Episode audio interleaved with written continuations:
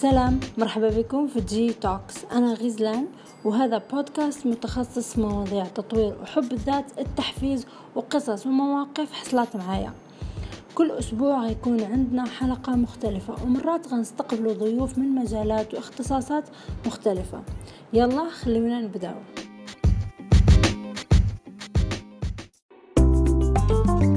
coaching اليوم ب coaching رح نحكي عن صديق حياتك الأبدي أو يمكن عدوك الأبدي اللي هو الخوف. رفقة ال coach غزلان بديع موجودة معنا عبر الهاتف باسم. صباح الخير يا coach. أهلا صباح الخير. أهلا وسهلا. صباحكم سعيد أهلا وسهلا. صباح الفل والياسمين بدون خوف. صباح النور. ليش نحن بنخاف؟ الخوف شو منبعه coach غزلان؟ الخوف آه، ليه يعني أسباب كثيرة هلا حنتعرف عليها لكن السبب الرئيسي بالعادة بيكون في إنه الطفولة هو بيجي شيء بينمى فينا بينمى في داخلنا هو مجرد وهم. فموضوعنا اليوم حيكون عن الخوف لأنه برأيي هذا شيء موجود عند كل شخص. وكلنا بنحس بالخوف. حاليا أنا شوي خايفة كمان. ليه- من لكن الجاية. يعني. أنا هو يعني أنا أريد فعلا أن آه، يعني أظن أو أتخيل أنه الخوف وهم ولكن مرات تحسيه بأنه موجود فعلا يعني. هو موجود هو موجود لكن أنت بتبنيه. يعني ممكن أنت الخطر أو الخوف اللي تحس فيه يكون مجرد وهم. إذا أنت فعلا رحت للموقف أنت ما حيصير الوهم اللي أنت كنت متخيله. يعني مثلا مثلا أنا إذا كنت جدا خايفة من الهواء وإنه أطلع على الراديو ممكن ألغي لقاء وما أطلع في اللقاء أو ما أروح للامتحان أو ما أروح للانترفيو مثلا. ف آه، الخوف هو موجود في حياتنا اليومية بنخاف من المستقبل من الفشل من انتقادات الناس آه، خطوة جديدة أو مثلا نخاف حتى من أنه نتحمل آه، مسؤولية. فهو بيختلف من شخص لآخر. لكن آه، كثير أشخاص الخوف ممكن يمنعهم من إنجازات ونجاحات محتملة. فلهذا السبب مهم نعرف كيف آه، نتحكم في الخوف. ويعني حتى إنه إذا فقدنا السيطرة على الخوف ممكن يؤدي لقلق لحزن اكتئاب. حتى في كثير مرات انهيار عصبي وأنا قرأت إنه بيسبب انتحار. الناس تنتحر من الخوف. صحيح. فأول حاجة لازم نفهم إنه للخوف أنواع. عندنا يعني خوف مؤقت اللي هو خوف مؤقت هو الخوف من مجهول. مثلا أول يوم في الوظيفة إحنا خايفين لأنه مو عارفين الزملاء أو المدير. مم. فبعد يوم أو اثنين أو حتى في لقائنا الأول حيتلاشى هذا الخوف. نعم. لأنه عرفنا إنه ما في شيء يدعي للخوف أو القلق. القلق.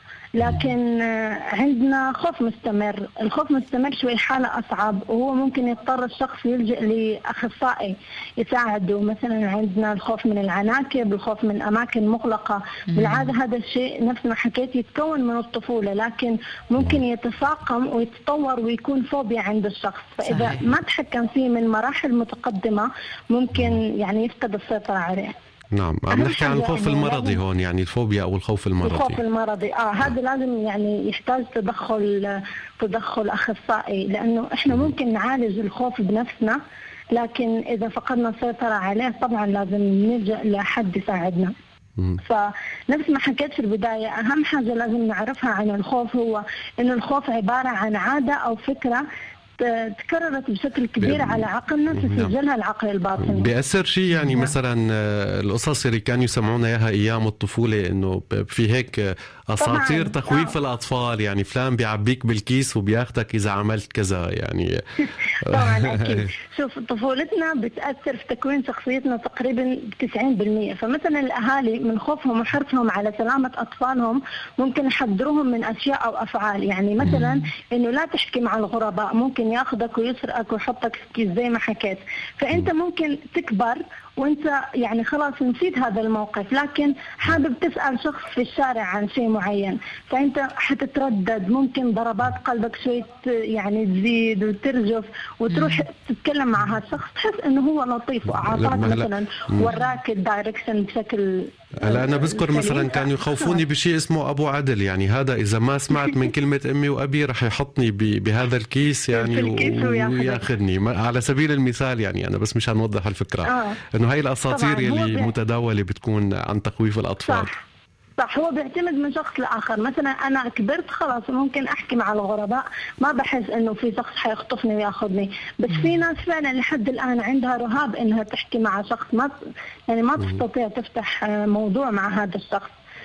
ربما فنفس ما حكيت إنه هو يعني مشاعر إحنا بنبنيها وبنسميها العقل الباطني، العقل الباطني بيحفظ هذه المشاعر وبيحفظ حتى صحيح. مو بس الفكرة، بيحفظ الشعور، أنت كيف حسيت لما حكوا لك إنه هذا الشخص حياخذك وحيخطفك، فأنت بتخاف من إنه تعمل شيء زي هيك أو تتكلم مع شخص غريب، هي أوهام إحنا بنبنيها. نعم فعلا في النهاية يعني في كل مرة آه، كوتش أو شخص متخصص يتحدث عن هذه الإشارات يعني هذه الإشارات التي نبعثها للدماغ التي بإمكاننا أيضا أن نتحكم فيها بعكس طبعا. الموضوع يعني إذا صح التعبير. ولكن وجب العمل على يعني كل هذه الأمور العمل على التخلص من الخوف حتى نعطي نصائح أكثر وإرشادات لمن يتابعنا هذا الصباح. طبعا. بالإضافة إلى كل يعني هذا تفضلي تفضلي كوتش. بالإضافة لكل هذا إحنا كيف مثلا كأشخاص ممكن نتعامل ونساعد نفسنا على التخلص أو إنه كيف نتحكم من هذا الخوف؟ أول شيء لازم أنت تعرف نفسك وتتعرف على مخاوفك. لازم آه، إنه تراقب نفسك يعني عند كل موقف وتحاول تتعرف على نقاط الضعف آه، يعني الضعف والقوة فيك. نقاط الضعف يفضل إنه أنت تسجلها وتحاول تكتب خطوات إنه أنت كيف يعني تتجاوز هذه الخطوات. عندنا آه، مثلا آه، شيء ثاني إنه نتحدث عن المخاوف أو بالأحرى نعترف بها. أول شيء لنفسنا طبعا ثاني شيء للأصدقاء والأهل. مثلا مرات الأهل والأصدقاء ممكن إنه يساعدوك. أنت خايف من مقابلة عمل صحيح. فهم بالعكس يعطوك أشياء إيجابية ويحفزوك إنه لا أنت تقدر وأنت تستطيع. فأنت الشعور بيتغير من جواتك من شعور خوف لشعور يعني ثقة. فهو الواحد كمان من بين الاشياء اللي تساعده يتجاوز الخوف إنه هو يبني الثقة يحضر مثلا بشكل بشكل صحيح يعني يعرف إنه كيف يتصرف في الموقف نفسه. وهذه نعم. في نقطة ثالثة اللي هي أهم حاجة اللي هي صراحة برأيي إنه بتساعد أي شخص بيعاني من الخوف. هي برمجة العقل الباطني وممكن نعملها عن طريق ممارسة تمارين آه، التأمل تمارين التأمل عشان نواجه الخوف. لأنه كل شخص عنده تريجرز أو مثلا محفزات. آه، هي محفزات حاجات مسجلة في المخ أو في عقلنا الباطني. فأنت أول ما تشوف أنه موقف يدعو للخوف أنت تستشعر الخوف. الخوف بيجي يبدأ ضربات قلبك يتسارع والأدرينالين يتسارع ترتجف. ف هي أشياء اوريدي مسجلة في عقلنا الباطني وفي محفزات بشكل عام للسعادة للحزن للضغط للخوف. فأنت لازم تتعرف على محفز الخوف عندك. ومثلا مثال للناس اللي تخاف من العناكب. أول ما يشوفوا عنكبوت مخهم يسجل خطر فيبدأوا بالهلع والارتجاف والصريخ. صحيح. فلازم يعرفوا إنه هذا هو يعني هذا هو مسبب الخوف. نسجل هذا مسجل الخوف. بعدين ثاني حاجة نمارس ولو خمس دقائق تأمل عن طريق أنه نتصل بعقلنا الباطني. في ناس ممكن يستهينوا على فكرة بالتأمل وبهذا الشيء لكن إحنا في التأمل نروح المكان فاضي نسكر الباب نغمض عيوننا بس خمس دقائق ونجلس إنه نتخيل الموقف. أنت تخيل إنه شخص زي يخطفك مثلا أو تخيل إنه عنكبوت. وتخيل إنه أنت يعني ب... بتتجاوز الموضوع إنه تغلبت على الخوف. دائما أنت استشعر هذا الشيء استشعر بالأمان. هي نعم. التمارين أنت حتى ممكن تبني سيناريوهات في عقلك. يعني إنه أنت تغلبت بهذه الطريقة أنت تغلبت بهذه الطريقة. بهالطريقة أنت بتبني شعور بالأمان إنه يس أنا قادر إنه إنه أتجاوز هذا الخوف. كل مرة أنت عن مرة بتعمل التمرين وبتستشعر إنه الموقف غير مؤذي أو خطر ممكن كثير يعني آه بس يعني لمدة خمس دقائق. أنت حتتعود على الشعور الجميل وحتتعود على الشعور بالأمان. وفعلا نعم. عقلك حيوصل لقناعة عقلك حيوصل لقناعة إنه الموقف آمن. فمعظم الأحيان زي ما حكينا إنه الخوف غير حقيقي لأنه هو خوف من المجهول. اللحظة اللي أنت حتواجه الموقف يعني حتى من بين الأشياء إنه تروح تواجه الخوف تاعك. أنت لما تخوفه يعني لما تواجهه خلاص حت يعني حتتجاوزه. نعم. هذا الشعور اللي حتاخده إنه أنت تجاوزت كمان فعلا رح يتخزن في عقلك الداخلي.